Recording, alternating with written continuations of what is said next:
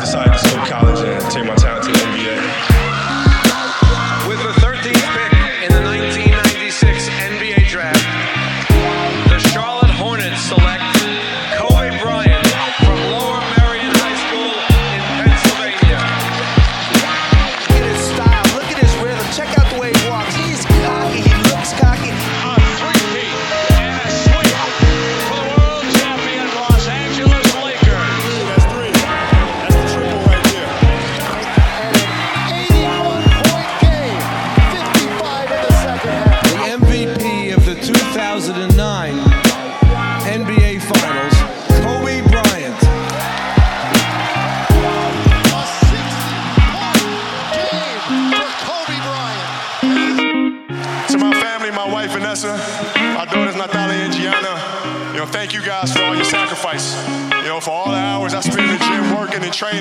Vanessa, you holding down the family the way that you have.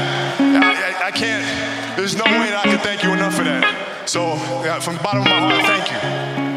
And uh, what can I say? Mamba out.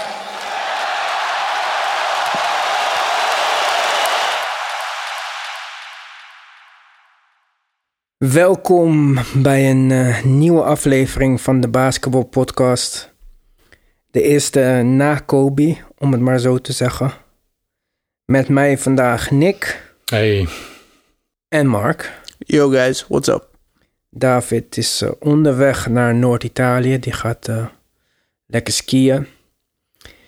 Ja, jongens, het is nog maar een paar dagen geleden dat het eh, nieuws over Kobe binnenkwam. Wij hebben daar een podcast over gemaakt.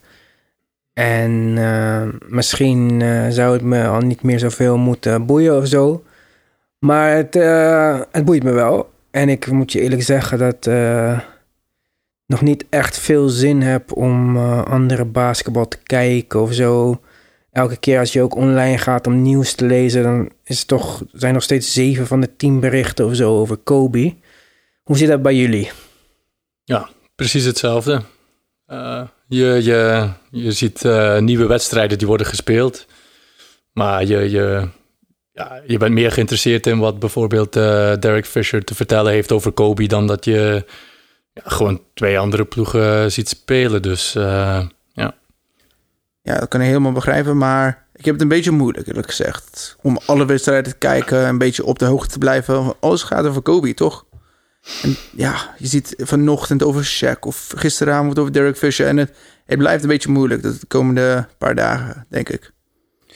Ja, en eh, waar in eerste instantie reacties kwamen van Doc Rivers en zo, heel emotioneel en dat soort dingen. Had je gisteravond het programma op TNT met zijn echte oud-ploeggenoot en Shaquille O'Neal die dan ging huilen. Ja, dat zijn allemaal eh, extra heftige dingen op de een of andere manier. Er was ook een eh, filmpje van Elle Duncan. Die vertelde over een ontmoeting die ze had met Kobe toen ze acht maanden zwanger was. En ja, ze begint heel professioneel aan dat item en dan barst ze in tranen uit. Dat soort dingen dat raken mij eh, toch elke keer weer. Je hebt eh, veel spelers die met nummer 24 hebben gespeeld. Denk aan Embiid, eh, Larry Nance Jr., eh, warming-ups in nummer 24 of nummer 8. Eh, Mo Harkless verandert zijn nummer 8 naar nummer 11. Dinwiddie verandert zijn nummer naar 26. Eh, ja, Terrence Ross gaat terug naar nummer 31. Het heeft een, eh, een league-wide impact, zeg Ja, maar. de hele league is eigenlijk een beetje in de war. De ene die, die gaat nu net met nummer 24 of nummer 8 spelen. De andere, bijvoorbeeld Ja. Embiid. De andere die, eh, die, die spelen net niet meer met dat nummer eh, uit eer, als eerbetoon. Ja, Dallas Mavericks hebben besloten dat ze nummer 24 gaan retiren. Dat zal je ook nog wel bij meer teams zien. Hm. Dus ja, om nu een hele nieuwe podcast te maken, eh, ik weet niet, mijn gevoel zegt nee, maar we doen het toch omdat, ja, de wereld uiteindelijk weer verder gaat. En eh, de NBA gaat ook gewoon verder met spelen op de wedstrijd van de Clippers en de Lakers na die gisteren is eh, afgeschaft. Wij hebben dus ook een nieuwe intro voor Kobe. Zullen we de rest van dit seizoen houden. En nou ja, geleidelijk aan eh, zal het normaler worden, denk ik, dat hij er niet meer is. Shout-out naar Iwan voor die mooie intro's altijd. Dankjewel. Mag gezegd.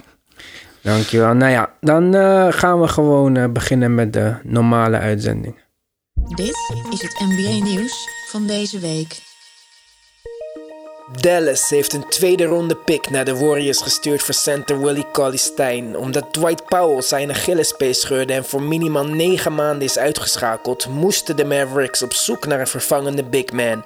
Cauley-Stein werd in 2015 als zesde gedraft door de Sacramento Kings en tekende afgelopen zomer een tweejarig contract bij de Golden State Warriors. Ja, jongens. Willie Cauley-Stein. Is het het uh, antwoord voor het uh, verlies van uh? Het antwoord niet, maar ik vind het wel een mooie, mooie reactie. Ik, ik vind het echt iets, iets typerend voor Dallas, zeg maar. Zij, zij kunnen echt wel goede moves maken. En ja, ik weet niet of ik, of ik Willie Colleystein nu zo verkeerd inschat, maar ze behandelen hem alsof hij niks waard is. Hij verdient ook niet zoveel. Maar ik vind hem best wel een nuttige speler. Lang atletisch, uh, snel op zijn voeten, jong. Ik vind het, uh, ja, ik vind het wel een goede zet. De prijs ook oké, okay, Mark? Ja, zeker. Alleen voor second round pick en... Uh, Trade exception. Justin Patton. Ze hebben, moesten hem cutten. Trade exception. Ja, ik vind het gewoon wat... Voor de positie van de league... Ze hebben... zijn alleen twee of drie teams voor hun... in, in de West... En je moet ook denken, ze moest gewoon Paul ver, uh, vervangen. Dat is gewoon, ja, anders hadden ze echt moeite door het seizoen. Ik denk, van wat ze konden doen en wat ze hadden, is het echt goed, uh, ja, echt uh, forward thinking van hun GM. Als ik hoorde dat Joachim Noah een workout ging doen, dan ben ik toch eerder blij met, met een Willy Kallistein dan, dan met een Noah. Ja, kijk, ze hebben Kleber daar, ze hebben Marjanovic daar, maar uh, waar Powell goed in was, misschien als een van de beste, was het uh, rimrun, het rollen naar de basket, pick and roll met Luca. En als er iets is wat Willie Cauley-Stein kan, is het rollen naar de basket. Dus ik verwacht, uh, ik heb hem gisteren zien spelen voor het eerst. Niet super impressed, maar ik verwacht wel dat hij gaat shinen in deze rol bij de Dallas Mavericks. Hij krijgt veel speeltijd, hij gaat veel speeltijd krijgen. Hij is atletisch, hij is groot, hij is snel. Hij heeft een point guard die, die perfect die screens kan lezen. Luca die, die valt de screens aan en hij, hij is zo groot en sterk dat hij... Hij kan ofwel een floater doen ofwel die, die alley pas. En dan heb je nog uh, Seth Curry die daar mm-hmm. klaar staat om de driehoek te maken. Het, het is eerlijk gezegd de perfecte plek voor hem. Of een van de beste plekken in de league. Want je moet denken, Porzingis staat on the perimeter of best veel plek voor hem. Dus hij kan gewoon zo goed rim, rim rollen dat wat we gewoon hadden verwacht bij hem in uh, Sacramento. Toen we, we hadden een paar glimpses van het toen uh, Boogie Cousins net weg was. Zouden we weer kunnen zien. En dan gaat, zoals je zei, misschien 25 minuten per wedstrijd kunnen krijgen. Ik denk echt een goede move. En wat vond jullie van Golden State? Ja, dat gewoon uh, alleen het second round pick? Ik zou, weet je, als je, als je weet dat volgend jaar, als je ervan uitgaat dat Curry en Thompson terugkomen, dan lijkt me een, een Willy Kallistein net echt wel iemand die je in je ploeg wil hebben. Uh, dus ik vind het een beetje een vreemde beslissing om hem voor zo weinig uh, te laten gaan. Ja. Misschien hebben ze die trade exception ergens voor nodig. Ja, wie weet wat ze van plan zijn natuurlijk. Maar ja, ik, ik, ik had het persoonlijk niet gedaan. Uh, maar goed, ik ben geen general manager. ja, precies. We gaan het zien en Willy Calistijn voor het eerst met een, uh, misschien met een echte coach. Of tenminste met een echte coach. Hij heeft natuurlijk onder Jeger gespeeld, prima coach. Maar met Carlisle en uh, Cuban, dat is geen ploeg waar je capriolen kan uithalen en zo. Dus uh, serieus de Willy Calistijn. We gaan het de rest van het seizoen mogen bewonderen. You've got mail. Jeetje, post! Er is een bericht binnengekomen. Er is een vraag van een luisteraar. Ja, Renzo vraagt: Is het bij de Sixers niet tijd voor een andere coach? Haalt Brown er niet gewoon te weinig uit? Sixers verliezen in mijn ogen iets te vaak. Goed, elke excuus om over de Sixers te praten is een mooie voor mij. We hebben de afgelopen weken kunnen zien hoe het uh, bij de Sixers gaat als Embiid er niet is. Als Simmons uh, de focal point van de offense is. Of tenminste, dat hebben we pas echt goed kunnen zien nadat ook Josh Richardson geblesseerd raakte. En eh, Simmons heeft geantwoord. Player of the week- in de East. 34 punten, 15 rebounds, 15 assists, triple doubles. En gisteravond is Embiid terug. En eh, moeilijk om op deze dag Embiid te bekritiseren als hij met nummer 24 speelt en bij zijn 24ste punt fadeaway Kobe schreeuwt. Maar eh, Ben Simmons was weer eh, geminimaliseerd. En El Horford speelt minder goed. En dat is een beetje wat het is. Ja, nee, dat klopt. De, de, het is altijd een beetje zoeken. Het is altijd een beetje eh, kijken wie, wiens beurt is het nu om eh, wat te Ja. doen. Het tempo wordt een beetje eh, ja, omlaag gehaald. Ehm, De ene wil rennen, wil de bal pushen. En de ander wil eh, posten en eh, faken. En, eh, ja, inderdaad. ze gaan gewoon terug verder op hun elan zoals, zoals voor eh Embiid zijn blessure. Ja, en dan denk ik om aan te haken op Renzo's vraag. Is het tijd om Brett Brown te ontslaan? Ja, want tijd om Embiid of Simmons te treden... zonder het eerst te proberen met een andere coach vind ik het niet. Want dat zijn wel twee belachelijke talenten. Dus het werkt voor mij... is het duidelijk dat het nu niet werkt. Met deze coach, alles Ja, is. nou, ja. Waar, wat je ook eh, de schuld geeft, maar het werkt nu niet. Dat is duidelijk. Dat staat vast. Dat gaat niet veranderen. Dat gaat niet, ook niet veranderen met nog een paar maanden extra tijd, want het werkt al twee jaar niet. Goed, wat gaan we veranderen? Gaan we Simmons of Embiid treden? Nee. Gaat de GM opstappen? Nee. Dus wat blijft er over? Ja, De nieuwe coach. Ja, inderdaad. Maar je zegt het werkt nu niet. Het, het, ziet er, dit- het ziet er niet mooi uit. De puzzelstukjes passen niet, ja, niet perfect, zelfs niet bijna perfect. Maar ik ben nog steeds van mening eh, dat, dat deze ploeg toch, eh, toch de verwachtingen nog kan overtreffen, zeg maar. Dus ik, ik ben er nog ietsje positiever in, denk ik, dan jij, Ivan. Maar het is, eh, ja, ook met Horford er dan nog een keertje bij. Horford en Simmons werkten mooi, hè? Ja, ja, ja. Zij, zij zijn, ze zitten meer op dezelfde golflengte. Ik denk dat Joel Embiid zijn eigen golflengte heeft... en dat de Ja. rest moe- moeite heeft om, om, om, ze, om zichzelf daarop eh, af te stemmen. Kijk, dat is het een beetje. Dat Simmons en Horford met Korkmaz, Milton, Tybal en eh Zaire Smith beter zijn. Ja, dat, dat hoort niet zo. Het, het moet niet zo zijn dat je all-star starter en je tweede grootste aanwinst van de zomer en bijna all-star vorig jaar speler het team niet beter maken. Mark, Brown mag weg of Brown moet blijven? Brown moet weg en eh, ze moeten een beat gaan treden in mijn ogen. Brown, kijk, ik ben super blij dat ze hebben hem zo lang eh, gehouden, want hij heeft zoveel meegemaakt in het team. Maar op een gegeven moment is er een punt waar je moet denken, gaan we het gewoon doen voor de coach wat we hebben gedaan in de geschiedenis, of gaan we het doen voor wat de beste is voor het team? En uiteindelijk, daar moet je altijd denken, wat is het beste voor het team? En de beste voor het team is een nieuwe coach die de volgende stap kan, kan nemen met, het, met de 76ers om een titel te winnen. We, als, als ze zo blijven, gaan we hetzelfde situatie zien, bijvoorbeeld met Tracy McGrady en Yao Ming. Ze, ze waren echt goed met elkaar. Vijftig, vier seizoenen hebben ze 50 wedstrijden na elkaar gewonnen. Maar uiteindelijk zijn ze nooit echt een titelkandidaat geweest. Want ze passen niet perfect bij elkaar. En dat ga je weer hetzelfde, je gaat hetzelfde verhaal zien als ze die twee spelers bij elkaar houden. Ook als ze, en als ze geen nieuwe coach gaan halen. Ik ben er wel van overtuigd dat eh, Brad Brown zal wel een goede coach zijn. Hij zal zijn, eh, zijn X's en O's, alles zal mooi kloppen. Maar Dat betwijfel ik, die X's en O's. Ja. De rest eh, geloof de, ik ja, eh, volledig. X's en O's, eh, maar ik bedoel gewoon, hij zal... Ja, hij, hij het is een, een, geen, niet iemand die heel veel risico's neemt, denk ik. Hele plezierige man. Het is absoluut op zijn karakter niet iemand die ik zou... Hij is een beetje het omgekeerde van eh, Dave Yeager. Ja. Hij heeft alles. Vriendelijkheid, mensenkennis, empathie. Maar X en O's... mm, mm. Ik denk dat als er een statistiek is voor turnovers uit out-of-bounds plays... dat Sixers bovenaan staan. In tegenstelling tot de Jagers en de Brad Stevens en zo die dan shinen. En Jager is eh, niet eh, goed met mensen. Elke keer ruzie met de front office of met de sterspeler. Maar haalt ten alle tijde meer uit het team dan het erin zit. En dat hebben ze nodig nu. Ja, Heel iemand erg. die alles eruit eh ja, want anders is het gewoon na dit seizoen een keuze maken. Ja, en hij praat ook veel te, veel te sloom voor mij.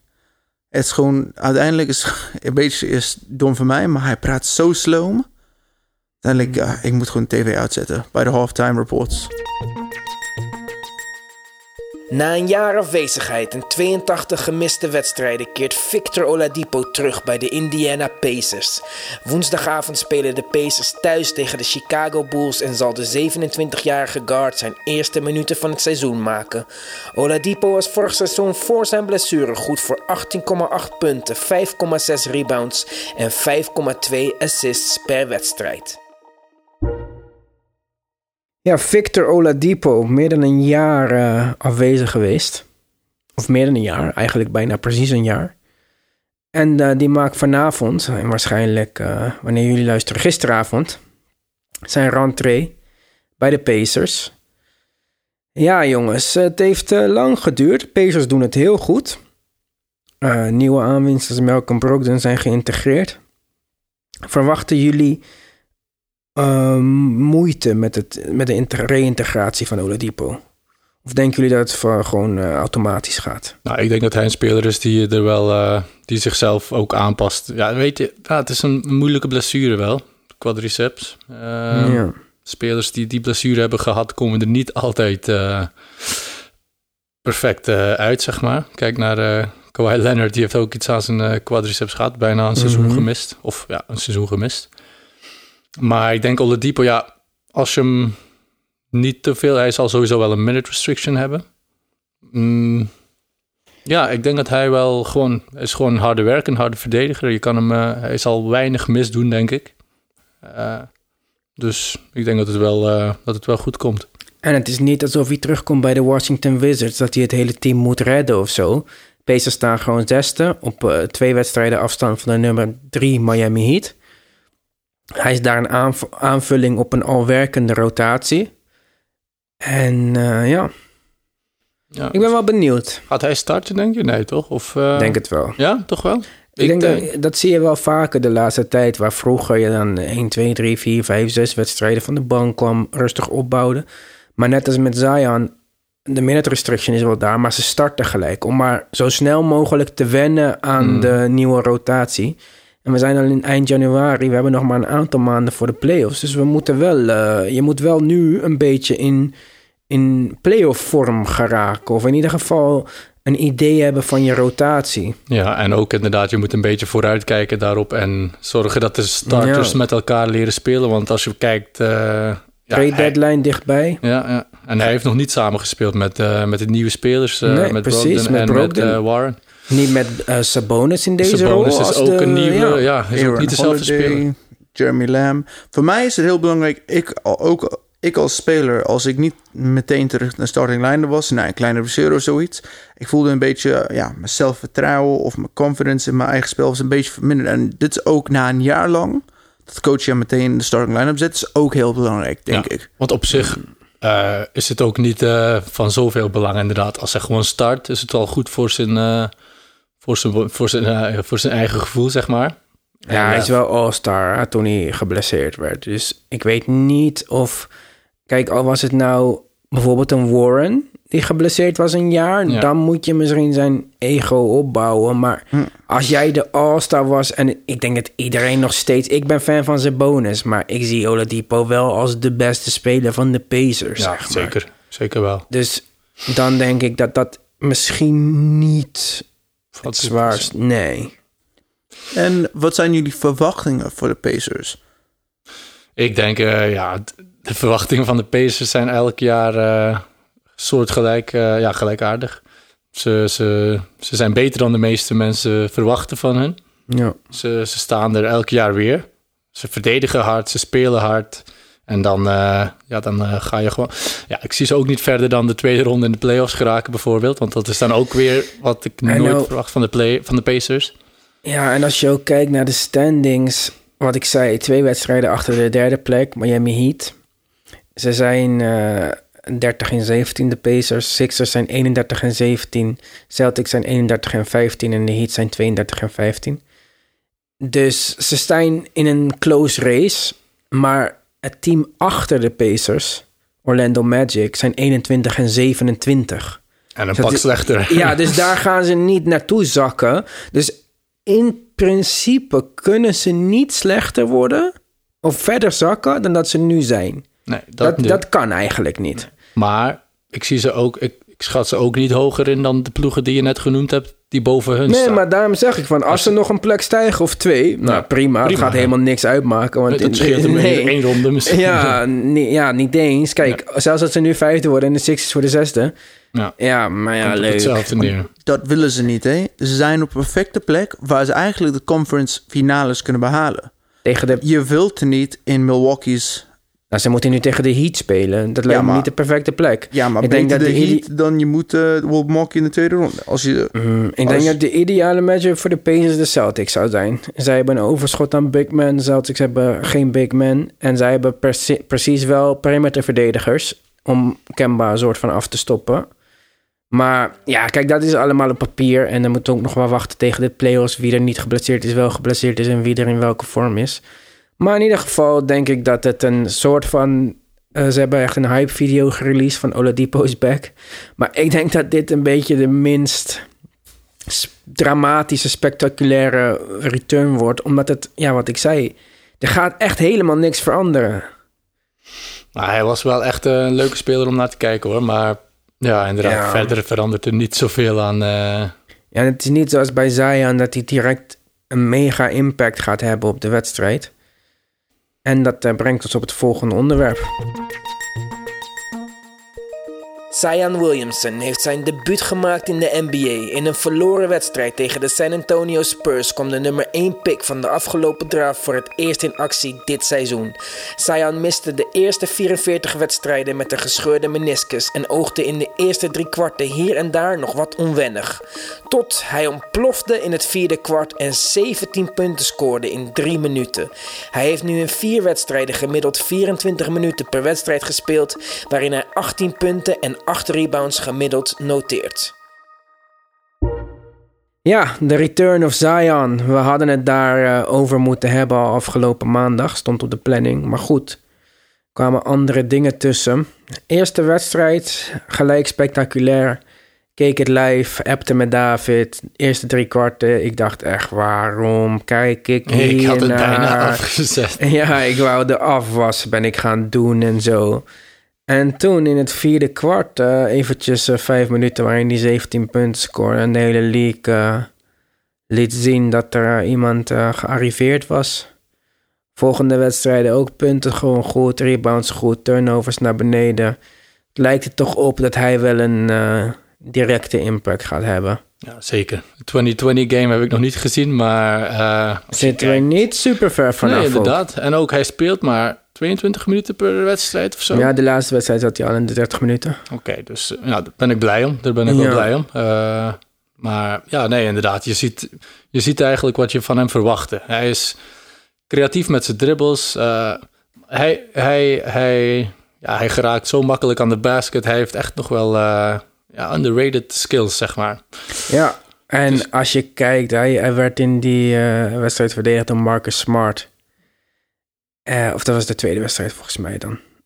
En ehm, Marcus Smart, normaal een goede verdediger, verdedigt ook soms LeBron en zo. Is echt een, eh, een bulldog, een pitbull.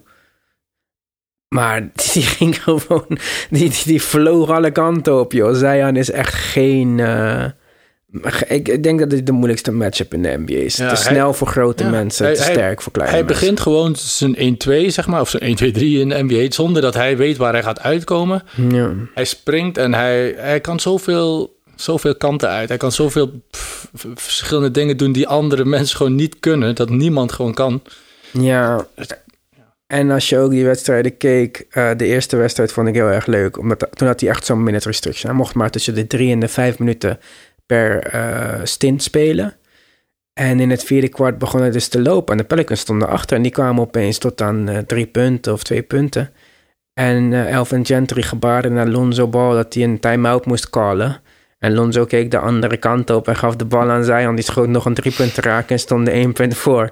En die liep ook nog lachend terug. Die had gewoon zijn coach genegeerd, want die voelde het ook. En ik zie nu pas ehm, echt hoe eh, goed Lonzo Ball kan zijn. Want hij denkt gewoon net een stapje sneller dan andere spelers. Net zoals Jason Kidd vroeger, net zoals Ben Simmons naar mijn mening. En Zion draait ook vroeger. Als je Zion ziet met Drew Holiday... dan is het elke keer Zion draait, krijgt de bal niet. Eh, dat is toch meer, eh, ja... Lonzo en Zion zou mijn basis zijn voor de komende jaren. Drew Holiday als eh, sixth man of zo dan? Nee, nee, mag starten, prima. Kijk, Lonzo is lang en eh, Drew is een goede verdediger. En Drew kan jou punten geven met een één op één eh, situatie in de halfcourt. Dat kan Lonzo niet. Ja, inderdaad. Vooral Dus- voor de playoffs. Ja, dat, prima. Maar de balhandling in de, in de ene laatste wedstrijd werd Zion's derde kwart zijn minuten gestaggerd met die van Drew. En toen zag je gewoon dat het net niet liep. Zion spinde een paar keer weg, kreeg de alley-oop niet. En Lonzo is misschien de meest onzelfzuchtige speler in de NBA. Die geeft de bal liever te vroeg dan te laat. Het is een uitstekende combinatie met Zion. Ik zou die twee ten alle tijden samen spelen. Helemaal mee eens. Mark, wat was jouw indruk eh, van Zion? Na het lange wachten. Kijk, ik was altijd... Ik was een beetje bang toen we aan de laatste hadden gesproken over Zion. En eh, ik ben echt zo blij. Als, in dit geval, als ik gewoon niet in de... Hoe hij speelt. Je ziet, dit is iemand wat Nick had gezegd en wat jij had gezegd. Die gewoon de spel of de wedstrijd elke avond kan veranderen. En als je, je kijkt, zijn per 36 stats zijn 27 punten en 12 rebounds. Dat is bijna Shaq op zijn hoogste en hij is gewoon een rookie. Dat Ja, is bijna... en- Ja.